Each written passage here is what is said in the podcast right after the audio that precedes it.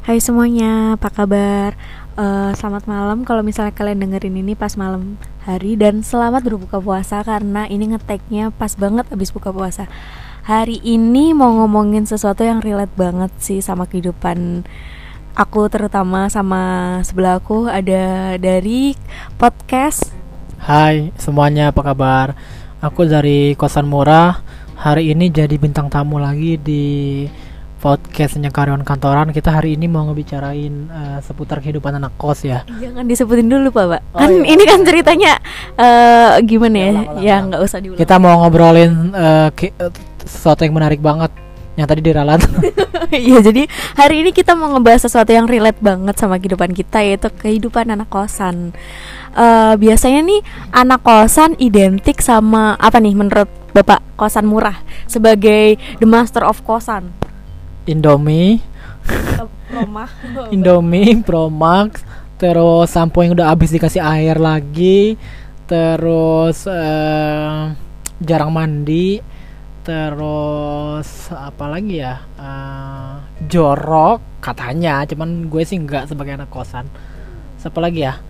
Hemat penghemat abis penghematan abis terus apa lagi ya? Yang menciri khaskan anak kosan banget apalagi sih? Apa sih? Oke jelly drink. Oke jelly drink ya? Enggak deh. Uh, nasi uduk uh, warteg terus pecel lele uh, kiriman orang tua pulsa LDR apalagi sih hashtag hashtagnya LDR Ya itu kan maksudnya Oh iya ada lagi. mesum mesum Astagfirullah. Mesum terus grebek terus ibu kos galak terus anak ibu kos cakep ngajak cewek. Ya seputar itulah pokoknya. Anak ibu kos cakep. Terus ini selalu dianggap menjadi manusia yang paling sengsara kalau di tempat kerja. Ya dianggap menjadi orang yang paling nggak punya apa-apa kayaknya ya kayak apa apa ini buat lo aja nih lo kan anak kos. Selalu ada akhiran itu. Yeah. selalu ada akhiran itu. Sebel banget dulu pas uh, di kantor aku yang lama di kantor ini sih jarang di kantor aku yang lama dulu begitu.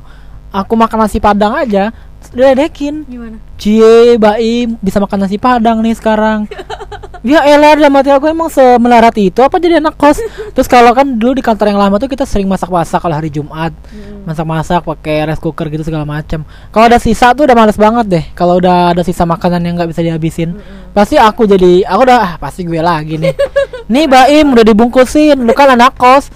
Dalam hati aku ya Allah kayaknya sengsara amat jadi anak kos. Iya, iya. gitu ya bener bener bener bener banyak sih pengalaman yang lucu-lucu apalagi ya uh, selalu dianggap uh, orang yang hemat terus temen tuh kalau mau ngajak makan mahal selalu lu nggak apa-apa kan? Selalu kayak gitu. Selalu ada pertanyaan. Iya. atau kalau misalnya kita update makan mewah misalnya di Instagram atau di WhatsApp story atau di apa hmm. uh, di update gini cie makan mewah nih ya nakos apa, uh, apa sih istilahnya uh, stigma masyarakat terhadap kayak, kayak kita tuh kaum ini banget kaum, kaum yang termarginal iya. banget. Pro, pro proletar proletar. Iya. kaum kaum miskin sama kalau misalnya main ke rumah saudara atau ke rumah apa so dibekelin kalau aku. Nasi bawa pulang nih anak iya, kos. untuk kalau lagi hajatan bawa pulang nih anak kos. Gitu aduh. Gitulah pokoknya. Kalau ibu sendiri gimana kalau aku karena aku emang baru banget jadi anak kos ya jadi ngerasa banget bedanya itu ketika ke kantor uh, versus dulu pas sekolah bawa makan tuh pasti kalau misalnya bawa makan ditanyain mamanya masak apa? Kayak gitu kan. Tapi kalau misalnya pas ke kantor sebagai anak kos bawa makan pada kaget. Loh emang bisa masak ya? Mm-hmm. kayak ya ampun emang kalau misalnya anak kos bawa makan sesuatu yang sangat luar biasa banget gitu orang-orang pada nggak percaya gitu loh. Terus sama kalau misalnya diajak makan di restoran gitu pas aku dulu masih kuliah kayak oke okay, it's not a big problem gitu loh orang ngajakin aku makan di tempat yang agak pricey. Tapi kalau misalnya pas ngekos gitu ditanyain cuma mau makan aja di Solaria ya? Mau makan di Solaria aja? Teman aku nanya e, nggak apa-apa kan Mei aku ajakin kamu makan di Solaria. Lah perasaan gaji saya lebih banyak dari dia. Tapi gini tapi positifnya gini, kalau mau patungan kita selalu di di masuk bagian yang paling sedikit. Oh. Misalnya kalau mau karaokean atau mau apa gitu kan. si Baim segini aja. Soalnya dia ngekos gitu. Ya udah deh alhamdulillah. Positifnya sih gitu. Sama apa lagi ya? Eh banyak sih yang lucu-lucu eh, mengenai pandangan masyarakat terhadap anak kos. Misalnya eh, dianggap kita tuh eh, jarang mandi terus eh, dianggap tanggal muda tuh adalah tanggal yang spesial banget sama anak kos. Indomie nih. Tapi emang bener sih tanggal muda. Ya Indomie. Indomie itu jadi sesuatu yang wah banget lah buat anak kos. Jadi kayak pelarian banget kalau lagi lapar gitu kan. Kayak Indomie itu di rescue gitu ya. Apa lagi ya? Em, Peralatan mandi juga anak kos tuh ini banget. Kayak irit. Hemat banget kayaknya buat rahasia umum deh. Sampo yang udah habis dikasih air lagi dikocok-kocok Terus disiramin ke kepala. Sebenarnya bukan nggak mampu beli Cuman ada sense of artnya aja.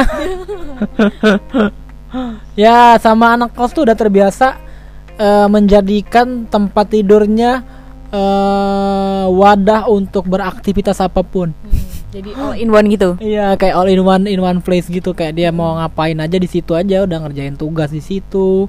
Mandi. Enggak juga sih mandi. Ngapain mandi di kamar? ya gitulah lucu sih. Ya kan? Iya, iya. lanjut.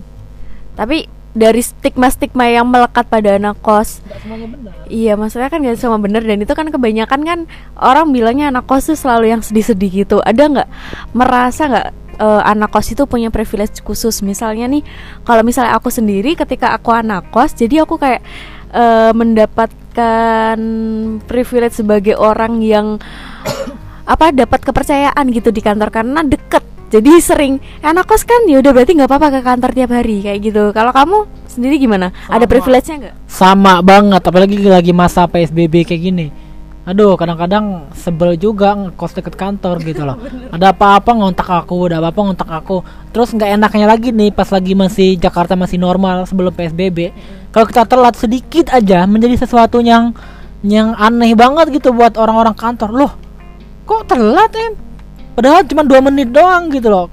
Kayaknya tuh apa sesuatu yang ini banget yang yang yang haram banget buat anak kosan tuh terlambat datang ke kantor karena mereka mikirnya ngantornya deket gitu. Terus ini deh kalau misalnya sakit biasanya kan kalau kita eh, kerja eh, jauh dari kantor misalnya butuh perjalanan 10 menit 15 menit ke kantor lah maksimal gitu atau setengah jam kita sakit dikit bisa izin gitu. Iya. karena alasannya jauh dari kantor mau motor capek atau apa. Cuma kalau kosan kita deket kantor gimana? Kalau cuma pilek dikit pak saya nggak masuk ya kayaknya Gak cocok banget gitu ya? nggak cocok banget dan selalu dipertanyakan yakin kamu nggak masuk kan kamu juga deket Iya, ya allah gitu lah pokoknya Dan kayaknya kita juga nggak punya apa ya, nggak punya kekuatan untuk izin pulang cepet. Soalnya kita kalau misalnya orang lain kan, misal eh, yang rumahnya Bogor atau di mana dan sedangkan dia kerja di Jakarta, pasti dia bilang "Eh, saya duluan ya bu, soalnya saya naik kereta. Ya nggak salah juga sih. Cuma anak kos juga butuh tidur dan punya kehidupan. Jadi kayak yang ngerasa eh, semacam kita harus memiliki kewajiban khusus untuk mau berada di kantor lebih lama. pulang tenggo itu sesuatu yang haram banget buat anak Iya, kos. bener-bener. nih ya teman-teman saya tuh mau pulang tenggo sampai bela-belain saya kuliah. Se- sebenarnya saya kuliah sore kelas karyawan. Itu adalah salah satu tiket saya biar saya bisa pulang tenggo karena bagi orang kantor anak kos yang ngekos dekat kantor pulang tenggo itu sesuatu yang haram banget. Kayak hah? Gila lu udah pulang mau ngapain? Kan tempat lu dekat eh anjir. Lu pikir gua nggak butuh sosialisasi gitu. Iya. butuh bersosial ber bermain-main gitu ke mana gitu. Lo pikir hidup gua cuman kosan kantor kosan kantor kosan kantor aja kalau gua pulang tenggo atau pulang lebih cepat dari lu semua jadi sesuatu yang aneh. Iya. kadang-kadang sebelnya gitu juga sih. Kita kayak harus menjadi the last standing man di di office gitu loh. Iya. kalau masih ada orang kayaknya haram banget kita pulang. Terus nunggu orang udah pada pulang dulu baru kita kayaknya oke baru boleh pulang. Aduh sebel kadang-kadang.